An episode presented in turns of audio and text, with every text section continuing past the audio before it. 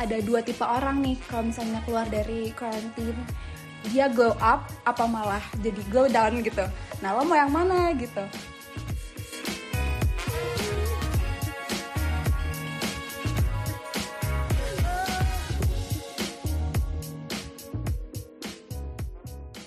Hai Mut. Halo, eh gimana lo sekarang nih masih covid? Udah balik kantor atau masih WFH?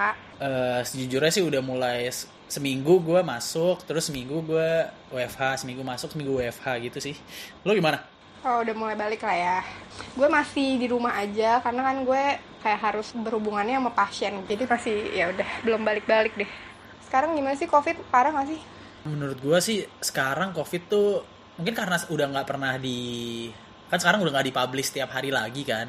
Nah itu tuh kayak banyak orang yang jadi nggak terlalu sering denger juga sih tentang COVID. Padahal sebenarnya COVID tuh masih ada bener-bener di sekitar kita dan makin lama makin tinggi juga sih kayaknya. Terus kayak gue ngeliatnya sih orang-orang sekarang walaupun COVID ini kan sebenarnya ya kita prihatin banget sih dengan adanya COVID ini dan ternyata tapi dibalik semua itu ternyata ada orang-orang juga yang di saat COVID ini malah dia itu berkembang jauh lebih baik sih gitu karena mungkin kan dia di rumah sering kayak mikirin tentang diri dia gitu-gitu gak sih? Iya benar-benar benar. Nah berhubungan sama itu nih gue, gue mau kenalin lo sama salah satu teman gue. Jadi tuh dia lumayan aktif di sosial media. Dia bisa dibilang eh, micro influencer gitulah. Jadi lumayan populer. Bisnis populer ya. Hmm, lumayan. nah dia ini juga lagi kayak mulai usaha-usaha kopi gitulah. Sama kayak dia lagi magang juga gitu. Magangnya jadi asisten dokter gigi. Padahal sekarang lagi pandemi. Gila keren abis kan. Wow. Nah, jadi mending gue kenalin deh namanya Vira. Hai Vir. halo Gimana apa kabar Vir? baik baik kalian gimana apa kabar Baik-baik. Baik juga. Lo gimana nih? Lagi sibuk banget nggak? Hmm, lumayan sih. Gue akhir-akhir minggu ini agak padat. Gue tuh sekarang lagi mulai magang di salah satu klinik di Jakarta. Terus eh, gue juga aktif di sosmed dan gue juga bikin kopi. Gue punya usaha di F&B itu kopi. Apa namanya? Kopi Kelana ya? Iya, kopi Kelana, betul. Wow. Eh tapi Fir kalau lo secara garis besar gitu lo ngelihat COVID sekarang tuh menurut lo gimana ya? Kayak dari mungkin sisi positif atau negatifnya gitu yang lo rasain? Kalau negatifnya dampak ke gue sih yang berdampak banget itu aktivitasnya kehambat. Terus nggak bisa ketemu keluarga, nggak bisa ketemu teman kan, apalagi yang pas PSBB kemarin kan. Terus eh, yang paling kerasa banget itu koas gue jadi terhambat karena nggak bisa lanjut kan. Koas gue sama Muci nih ya kan Muci. iya benar. Jadi gue sama Vira nih kalau buat yang nggak tahu ya, jadi tuh kita satu kampus, kita sama-sama anak kedokteran gigi dan lagi koas gitu. tapi lo nggak bikin kopi mood? nah itu dia masalahnya. Gue tuh lagi mikir mulai apa gitu. Kan siapa tahu kita bisa cari sesuatu nih inspirasi dari Vira kan. Oh iya iya benar. Tapi di balik sisi negatif itu gue juga merasakan ada positifnya juga sih. hmm, apa tuh? Mm-mm, jadi gue itu kan sebelumnya bisnis kopi. Udah sebelum covid sih sebenarnya. Cuman mulai rame-ramenya itu tuh pas covid. Justru orang-orang pada belinya. Biasa orang-orang tuh pada beli langsung satu liter lah, dua liter. Mungkin orang-orang takut beli kopi keluar kali ya, jadi langsung nyetok aja di rumah gitu kan. Terus em, kalau misalnya di sosmed itu gue juga sekarang jadi lumayan berkembang sih. Dulu tuh gue nggak bikin video, terus kalau misalnya konten tuh pasti di luar rumah. Tapi kalau sekarang kan harus dipaksa di rumah, jadi eh, lebih kreatif lah istilahnya pas di rumah. Berarti lo dekorasi rumah berarti ya? Betul, gue mencari setiap sudut buat jadiin foto lah ke video gitu. Bener sih jadi lebih kreatif lah ya dengan apa yang ada di sekitar lo ya. Ah, ah, betul, dan lebih produktif juga sih. Oke, nah tapi Fir pas awal-awal baru banget COVID tuh lo kayak gimana kan itu benar-benar drastis kan dari sebelum COVID kayak kita bebas ngapain aja terus tiba-tiba eh ada COVID dong terus kita langsung semuanya disuruh di rumah aja dan lain-lain itu lo ngelakuin apa aja awalnya? Nggak mungkin kayak lo langsung tahu kan eh gue mau ini mau ini mau ini. Ternyata udah punya visioner ya udah ke depan ya. iya, dia cenayang tiba-tiba. Sebelum covid itu kan eh, koas ya, jadi tiap hari itu pasti ke koas. Terus paling pulangnya bikin kopi sama paling bikin konten di luar. Nah pas covid ini kan harus di rumah, jadi gue tuh pertama awal-awal kayak, duh bingung banget ngapain ya, bosen gitu kan. Terus gue akhirnya lihat eh, orang-orang bikin apa namanya eh, olahraga dari kayak clothing gitu kalian tahu nggak sih Iya tahu-tahu. Clothing ya. Siapa yang nggak ngelakuin clothing gak sih? itu kayak lagunya tuh terdengar di mana-mana tuh ya. Tuh lagunya tuh kayak terngiang-ngiang gitu. Terus akhirnya gue jadi olahraga rutin. Tuh pas covid awal-awal terus gue bikin apa namanya kue ikutin resep-resep orang. Abis itu em, gue mikir kayak aduh Instagram gue jadinya terhambat banget nih. Gue nggak tahu mau foto di mana. Dulu kan kalau misalnya foto di rumah kayak jelek gitu kan terus eh, akhirnya gue mencoba kayak eh gue set background sendiri deh. Coba gue beli-beli kayak kain atau ya backdrop backdrop gitu. Terus em, set tanaman juga jadi estetis gitu kan. Tapi jujur gue tertarik sih dengan lo maksudnya bener-bener tadinya lo bener-bener di luar terus sekarang jadi di rumah tapi lo bener-bener make apa pun yang ada di sana.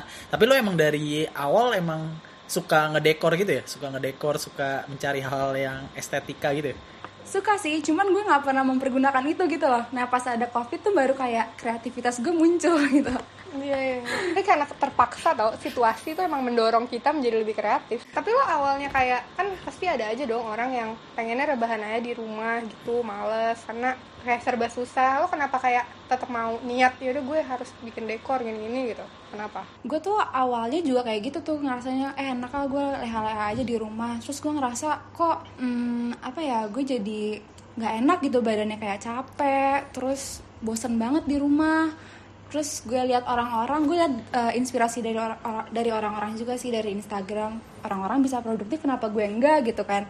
Akhirnya gue coba-coba juga gitu.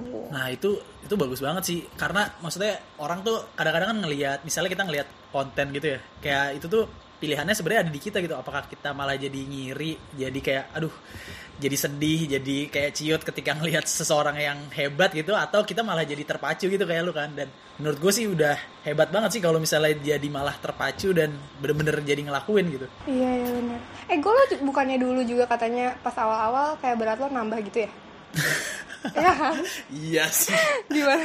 Iya, iya jujur gue sih pas di awal ya Maret gitu kan ya Maret gitu tuh gue naik 5 kilo itu bener-bener karena ya tadi sama kayak Vira mungkin kalau Vira kan dia agak cepet tuh ya jadi abis rebahan terus langsung mungkin cepet berpikir kalau gue tuh rebahan dan rebahan lama gitu kan sampai akhirnya naik 5 kilo gitu nah setelah itu baru gue sadar gitu kadang-kadang emang ternyata masa-masa agak kelam gitu baru membuat sadar gitu sih ketika sadar tapi malah langsung jadi drastis perubahannya gitu Iya. Oke, oke. tapi Fir kalau lo sebelum sebelum covid gitu yang lo lakuin tuh sebenarnya apa aja sih maksudnya selain yang tadi udah lo jelasin gitu yang bener-bener lo aktif banget atau rutin gitu Hmm, itu sih paling koas aja gue tiap hari. Terus eh, abis pulang koas gue bikin kopi dan bikin konten. Paling gitu-gitu aja sih. Terus tapi dulu juga jarang olahraga. Oh dulu lo jarang olahraga? Maksudnya sekarang lebih rajin malah gara-gara covid ini? iya gue sekarang malah lebih rajin olahraganya. Gara-gara apa? gara-gara awalnya tuh pas covid gue juga nambah itu berat badan. Kalau lo gimana mood? Ah, kalau gue nggak ada perubahan susah nih. Gimana? Coba kasih tips malah nambah berat badan gitu kebalikan kalau gue anjir.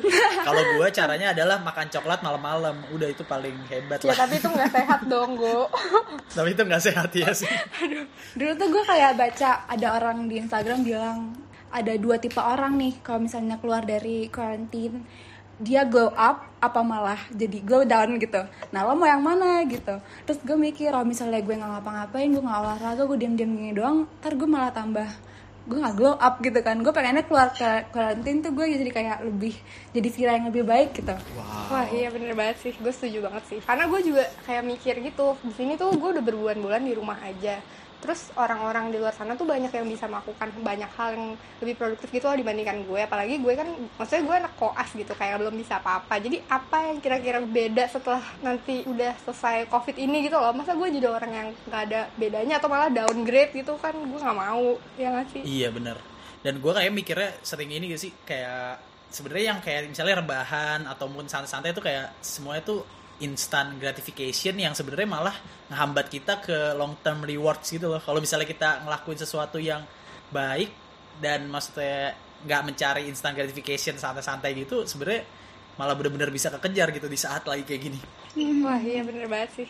Fir, tadi lo kan usaha kopi ya? ya Itu lo usaha kopi mulainya sebelum covid bukan sih? Tapi ya kan? iya sebelum covid tapi kayak sebulan jadi kayak bentar gitu sebelum covid Oh baru-baru kayak dekat-dekat sebelum covid ya? Nah itu lo usaha kopi kenapa Fir? Uh, sebenarnya usaha kopi gue ini berdua, gue sama cowok gue. Nah itu awalnya tuh cuman karena cowok gue suka ngopi, terus akhirnya gue juga jadi ikutan ngopi dan kita kayak suka nongkrong, suka coba-coba kopi baru. Tapi pas kita minum kopi kok nggak ada yang terlalu serak gitu rasanya di kita, ada yang terlalu strong lah, ada yang terlalu creamy. Terus kita mikir apa kita coba buat sendiri aja gitu ya.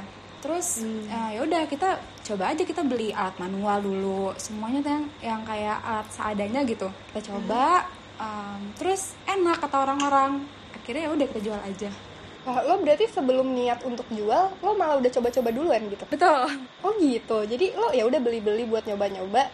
Kalau misalnya emang lo nemu yang pas, baru lo jual. Ah, ah, jadi awalnya kan iseng-iseng terus wah enak nih tapi kayak kok kurang creamy ya akhirnya gue ganti inilah terus gue ganti-ganti bahan gitu tuh ada kali gue dua bulan kali ya gue buat uh, bikin apa namanya menu gue ini kayak perfect gitu menurut gue gitu Wow, dua bulan. iya dua bulan lumayan lama karena gue nggak pengen jual sesuatu yang menurut gue kayak ah biasa aja gitu kayak kalau gue sendiri kurang suka ngapain gue jual Kalau misalnya nih lo nggak nemu-nemu kayak rasa yang enak gitu, berarti lo nggak akan jual sampai sekarang. Enggak sih, nggak akan gue jual. Pokoknya harus sampai gue bener-bener yakin, wah ini bisa nih gue jual gitu.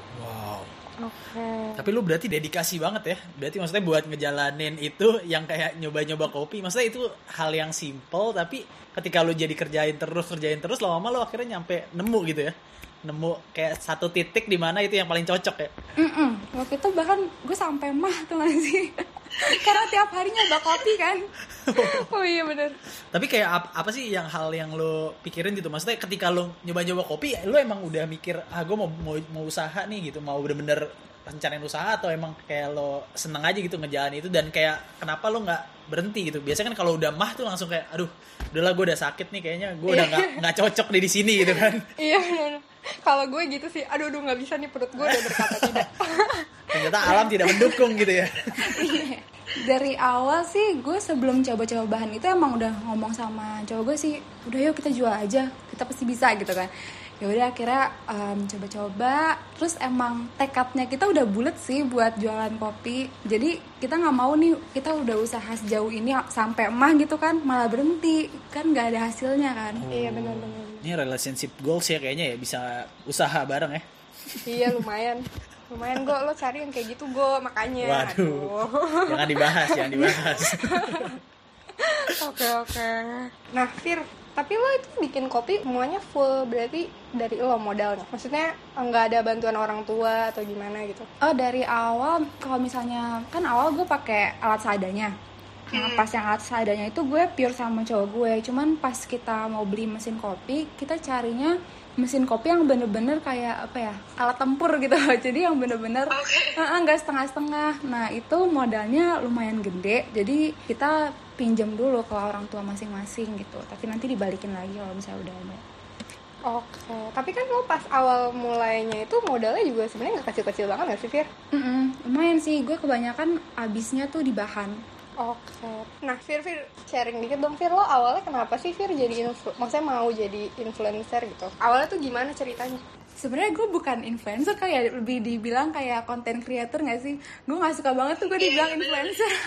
Tapi lo tuh menginfluence orang, itu tuh sebenarnya bukan yang lo klaim, tapi orang lain klaim kalau gitu loh. iya sih cuman lebih enak aja gitu gue dibilang content creator Oke, ya. oke, content creator. jadi awalnya tuh gue em, suka foto-foto foto-foto OOTD biasa gitu loh. Gue suka mix and match dulu. Emang dari dulu tuh suka fashion. Akhirnya gue foto-foto biasa aja tuh foto-fotonya cuman abis itu eh, lumayan banyak yang suka nah dari situ tuh ke up gitu konten gue yang foto-foto OOTD lama-lama tuh ada yang endorse ada yang endorse tuh seneng banget tuh wah gue dikasih baju gratis nih First endorse ya. Iya first endorse seneng banget. Nah terus uh, lama-lama gara-gara udah di endorse jadi banyak yang nawarin lagi. Akhirnya ya udah sampai sekarang. Tapi lo ada kayak pernah insecure gitu gak sih? Misalnya kayak gue aja kadang-kadang takut buat ngepost atau gimana. Itu dulu sering banget sih gue insecure. Kayak gue tuh kalau misalnya mau story ntar gue ulang-ulang suara gue kayak aduh kok kurang kayak gini ya.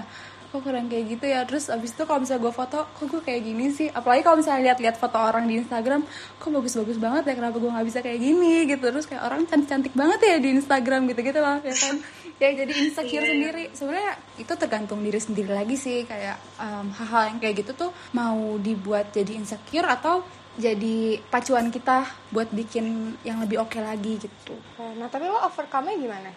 Hmm, gue ya udah gue self reflect aja. Terus kadang kalau misalnya gue udah capek, paling gue off sosmed. Terus gue hmm, gue pernah sih yoga juga, itu juga menolong sih. Nah tapi berarti lo tuh bener-bener ini ya, apa konsisten gitu ya? Maksudnya kayak ngejalanin ini, eh, misalnya foto-foto yang tadi, akhirnya tadi kan misalnya awalnya pertama iseng-iseng kan, terus lama-lama akhirnya lo bikin bisa konsisten gitu ya jadinya. Iya iya, gue bikin konsisten. Soalnya kalau misalnya nggak kayak gitu, uh, nanti engagementnya tuh turun. Jadi uh, iya menurun gitu di Instagram. Makanya harus konsisten banget kalau mau upload. Nah itu capeknya. Kita harus bener-bener kayak post terus, harus update terus. tapi kayaknya itu semua apa ya semua bidang tuh emang kayak gitu nggak sih kalau emang mau sukses ya harus konsisten ya kan Bener. Iya bener, ngelawan diri sendiri tuh kayaknya sebenarnya itu hal pertama yang perlu dilakukan gak sih? Kayak kadang-kadang kita sebenarnya ngelawan diri sendiri tuh ngelawan kemalasan kita, ngelawan habit-habit yang sebenarnya nggak baik gitu-gitu. Itu kayak kalau misalnya kita udah bisa menyelesaikan itu tuh sebenarnya se- ke depannya bisa jauh lebih baik gak sih? Iya iya benar. oke Fir eh, lo bukan yang sekarang lagi magang juga ya magang di dental klinik gitu ya Iya dental klinik. Itu lo ditawarin emang pas pandemi ini atau gimana? Soalnya kan kayak semua orang bahkan dianjurkan untuk nggak ke dokter gigi dulu gitu pas lagi pandemi ini. Atau atau karena ini ya karena semua orang takut jadi kayak wah kita cari orang yang berani gitu. iya ya. Atau enggak kayak eh ya udah kan pada takut jadi sepi ya udahlah gitu. Sebenarnya kenapa sih? Em, gue emang ditawarinnya pas ada pandemi. Tapi pas kan sempet tuh kemarin dokter gigi dilarang praktek kan. Nah, itu pas udah boleh lagi, baru gue ditawarin mau nggak em, intern magang di klinik. Terus eh, gue mikir sih kenapa nggak gue ambil aja karena kan itu eh, pengalaman ya. Gue kayak gue belum pernah magang, gue belum pernah masuk klinik gimana, kayak ngadepin pasien gimana kan kita baru pas. Maksudnya eh, kalau beneran di klinik ya, akhirnya kar- eh, karena menurut gue itu suatu pengalaman yang oke banget. Kalau misalnya gue tolak tuh kayak apa ya? Ya udah akhirnya gue ambil aja gitu.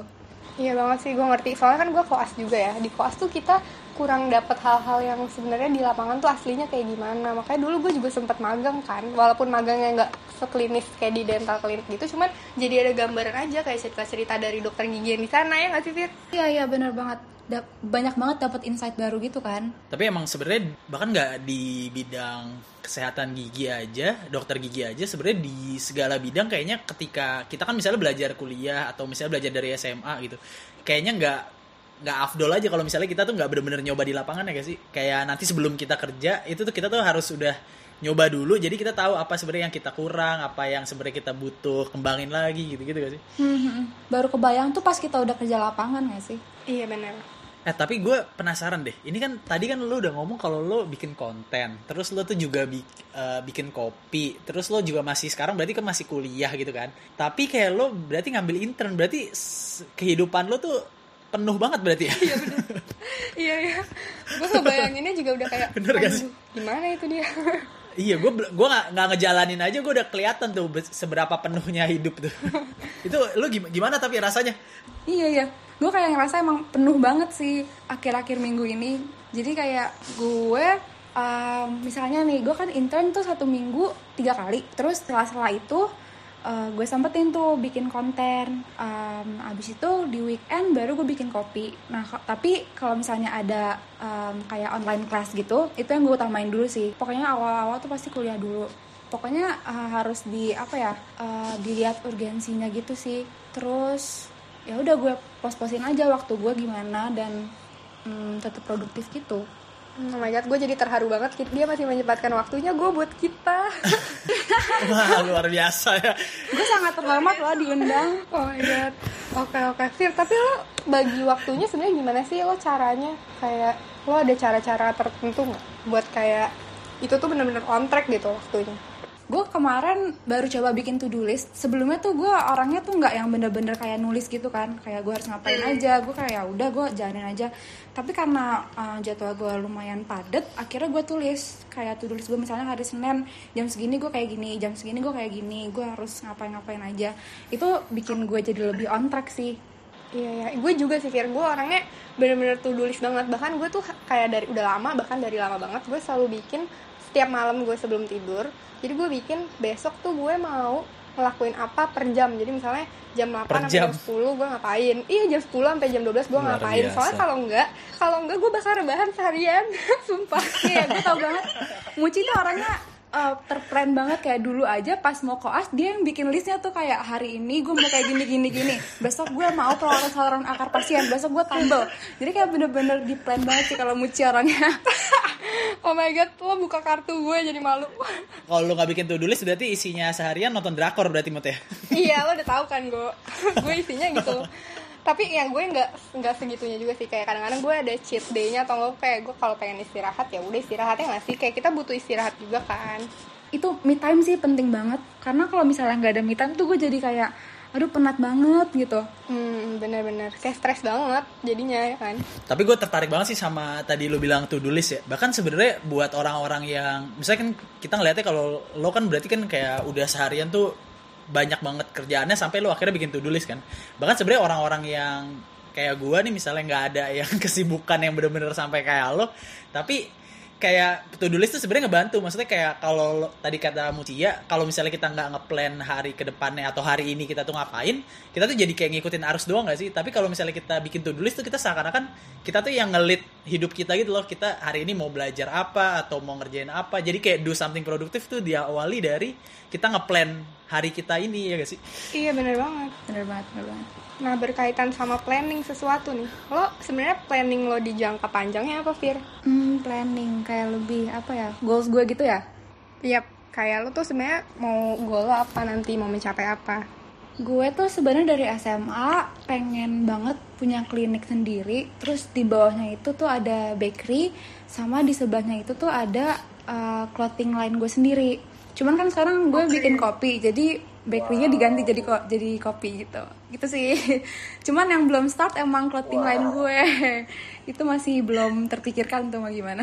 gue suka bingung ada ya orang yang udah spesifik banget dia maunya apa lo tuh sebenarnya tahu itu dari mana sih Fit? maksudnya kayak lo bisa menentukan gue mau ini tuh dari mana gitu apa ya gue kayak kepikiran aja gue tuh selalu kalau misalnya orang-orang lihat gue kan santai banget ya Muj mungkin kayak lo juga lihat gue santai banget kan orangnya iya sumpah gue tuh tahu Vira tuh dari dulu bener-bener low key banget. Nggak ada sama sekali kelihatan ambisius atau gimana. Tapi tiba-tiba dia oke gue tahu gue mau ngapain gitu. Iya gue emang orangnya tuh santai banget. Wow itu sih orang-orang yang dicari tuh seperti itu ya? Iya iya gue orangnya santai banget. Tapi gue selalu kayak menetapkan tujuan gue tuh mau ke mana. Gue udah tahu kayak ke depan tuh gue pengen kayak gimana gitu tapi lo kayak ini kan tadi lo tahu nih lo mau bikin klinik terus di bawahnya ada bakerynya terus lo ada mau ada toko bajunya kan? Itu lo udah mulai memikirkan kayak langkah-langkah menuju ke situnya atau belum? Um, itu sih pertama kayak gue lagi nabung gitu kan. Kalau misalnya gue tuh bener-bener uh, patokin sebulan tuh gue harus nabung segini nah itu tuh bener bener-bener gue kayak uh, nggak gue nggak gue otak atik nggak gue buat beliin apa pun gitu terus gue simpen di tempat lain jadi kayak bener-bener kerasa gitu loh gue nabung god, habitnya Vira banyak banget yang bagus Iya bener. Tapi lo kayak eh, maksudnya kadang-kadang kan ada orang yang misalnya dia nabung tapi nabung juga di misalnya investasi gitu-gitu. Kalau lo masuk yang kayak gitu gak? nah itu gue nabungnya di reksadana Uh kan lebih mes lagi kan lo mut. Iya. Gue udah ngerti nih gue kayak gini, gue lebih amazed lagi. Gue nggak, gue aja belum segitunya tahu tentang hal kayak gitu, kan? Dan Vira nggak kelihatan orangnya, sumpah. Gue, iya sih. iya kayak lo nggak expect gak sih gue kayak gitu iya gue nggak expect makanya. Makanya lo gue ajak ngobrol di sini. Jadi kalau kita nggak bikin podcast ini lo nggak tahu ya mut ya? gue nggak tahu jujur, tapi gue tuh udah ada feeling kayak Vira tuh orangnya, ya itu yang kayak tadi gue bilang, dia tuh udah tahu apa yang mau dia lakuin. Jadi gue penasaran makanya. emang kayak kayak gitu nggak usah diumbar-umbar gitu ya lo diam-diam menghanyutkan aja gitu kan Bener sih. Diam-diam ada resultnya aja gitu ya. Iya benar-benar. Ini juga tadi tuh ada yang ngirimin gue sesuatu. Katanya kalau lo tuh harus diem-diem aja soal ya goal lo itu. iya iya benar nggak usah diumbar-umbar gitu Itu siapa yang ngirim mut ya? Kayaknya ada sini yang ada di sini juga gitu. Iya. Tadi banget baru banget Fir. Oh my god. Oke. Waduh. langsung langsung ini ya langsung relate ya Iya langsung relate. Nah, gue tertarik banget tuh sama yang lo bilang tadi tentang, maksudnya lo berarti kan ha- habit lo jadi nambah lagi yaitu untuk mencapai goals lo yang bikin keinginan lo tadi itu kan dengan nabung ya, nabung lo benar-benar nabung dan nyisain di awal bulan gitu-gitu kan. Nah, jadi kan di podcast ini kita kan juga punya kayak challenge gitu ya buat kita ya, Mbak Teh? Yep. Dan buat orang sih. buat orang yang mau ngikutin. Jadi kita tuh percaya bahwa semuanya tuh pasti berawal dari hal kecil dan kalau dilakuin terus menerus pasti akhirnya hasilnya tuh bakal besar ataupun bakal bagus buat mencapai keinginan lo kan. Nah, lo ada kayak suatu micro habit atau hal kecil yang mau lo anjurkan lah buat kita lakuin supaya kita bisa sehebat lo juga nih gitu. Waduh, kayak gue hebat banget. Aduh. Em, habit ya, eh, mungkin ini kali ya dulu tuh gue setiap nemuin duit 20.000 ribu itu selalu gue tabung. Itu dari SMA kayak gitu gue. Jadi em, itu walaupun kayak kelihatannya kayak ah ngapain sih nabung setiap 20.000 ribu yang kita punya, tapi itu bener-bener lumayan banget kalau misalnya dilakuin jangka panjang. Kayak tabungan lo tiba-tiba udah segini aja 20.000 ribu lo gitu. Jadi mungkin itu kali ya 20.000 ribu tabung kalau misalnya setiap punya 20.000 ribu disimpan jangan dibuat belanjain Uh, Oke, menarik sih. Berarti kita nabung ya. Eh, lo ada ini gak tambahan buat kita? Jadi kita tuh mau ngelakuin dalam waktu kayak seminggu ini, kita tuh mau consistently do something. Kayak ada gak sih kayak hal yang kira-kira seminggu ini tuh eh, lo saranin buat kita lakuin gitu? Mau kita coba lakuin? hmm di workout aja kali ya karena gue ngerasa eh, gue kan jadi lebih sering olahraga nih gue ngerasa kalau misalnya gue nggak olahraga tuh kan badan gue capek terus kayak gampang gampang apa ya gampang lemas terus gampang penat gitu menurut gue kayak olahraga tuh sangat eh, membantu gue mengeluarkan hal-hal negatif di diri gue terus eh, bikin sehat juga kan jadi mungkin gue mau challenge eh, ini kali ya clothing yang apa namanya full body workout Uh. Boleh, boleh, boleh, boleh. itu itu buat itu buat cowok juga ya? Iya, awas go lo nggak boleh nggak ya? lo kan bukannya lagi workout juga go, ya kan? Iya sih bener sih, tapi gue sih ju- jujur dulu pernah nyoba clothing juga karena pertamanya kayak pengen cari challenge terus kayak clothing tapi gue mikir kayaknya ini gue pengen nyari yang orangnya cowok aja gitu. Nggak bisa go. Sebenarnya workout tuh universal, cuman gimana cara lo aja nggak sih? tapi tapi nggak apa-apa kok nggak apa-apa universal universal Ntar di instastory juga ya, biar gue bisa lihat. Nah, wah ini dia susahnya nih. jadi sebenarnya sebenarnya workoutnya tuh menurut gue gue udah kayak wah gue bisa banget nih workout clothing oke gitu nggak apa-apa lah gitu. Tapi kayak pas di story wah ini challenge banget buat gue kali ini. Karena ya gitu gue sih gue sih jujur emang ya sekarang gue lagi di tahap yang kayak mencoba pelan-pelan pengen ngelawan insecure gue di sosial media sih. Makanya biasanya gue di close friend mulu kan tapi kayak ya let's do it lah. Iya dong, harus dong. Oke, mungkin buat kita dari seminggu ke depan harus ngelakuin full body workoutnya clothing ya kan? Terus kita update juga di Instagram gitu ya Fir? Iya, betul. saya update nya nggak usah setiap hari sih. Iya iya iya lo sekali aja emang berani go gitu. Gue tanya sekarang. Nah itu dia. Jadi kayak nanti gue evaluate aja ya Di akhir gitu gue evaluate kayak Iya gue ngelakuin berapa dari berapa gitu ya. Oke oke. Ini nanti mau ngikutin kita juga bisa sih mention Vira juga aja biar Vira tahu ya nggak Fir? Iya, iya boleh banget. by the way eh, tadi tuh kita ngirimin lo makanan gitu sebagai ucapan terima kasih sih kayak lo udah mau kita ajak ngobrol di sini thank you banget Thank you, thank you. Tadi gue udah coba sih. lo udah coba gimana enak nggak Eh, tadi ada dua kan ya? Enak sih enak. Eh, itu kan juga lagi booming itu kan si apa namanya dessert by Dare ya. iya iya iya dessert by Dare Nah itu tadi kan ada apa ya banoffee pie itu enak sih menurut gue manisnya pas. Cuman kalau misalnya dessert box tuh kan yang kayak lumer-lumer gitu kan biasanya ya Muc. Ini kurang lumer sedikit aja kayak agak kering gitu sih. Tapi kalau rasanya sih enak. ya preferensi sih beda-beda ya tapi ya overall oke lah ya Iya iya iya. Oke, sekali lagi thank you banget ya udah mau ngobrol di sini, ngeluangin waktunya apalagi waktu lo padat banget, sumpah. Iya thank you juga gue sangat terhormat diundang jadi uh, bintang tamu pertama. Iya pertama lo di episode pertama kayak ini belum ada yang tahu. Ya ini kita record belum ada yang tahu loh ada podcast ini ya gak? Iya kan? Iya bener. Tapi Nah, dia Paling mau yang tahu loh. adek gue sih. Oh iya.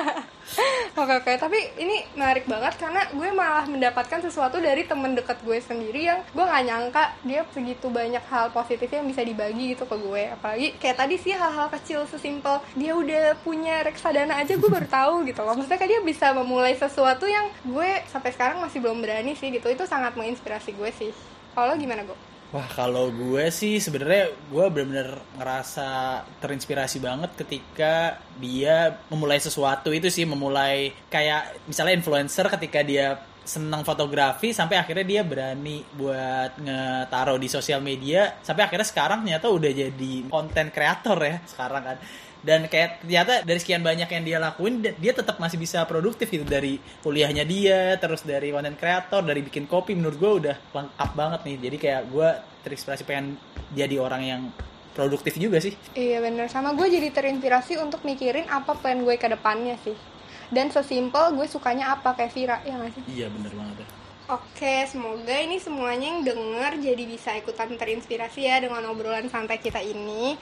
Dan semoga ada juga nih yang mau ikutan selain gue mau Hugo, challenge dari Vira eh, yang tadi workout clothing itu yang full body workout dan bisa story di Instagram terus bisa mention Vira juga di @vira_oktavira supaya si Vira bisa lihat nanti ya nggak Vir? Ah, ah, betul. Oke, kalau gitu see you on the next episode of Bermula dari Langkah karena perubahan besar dimulai dari langkah kecil. Thank you.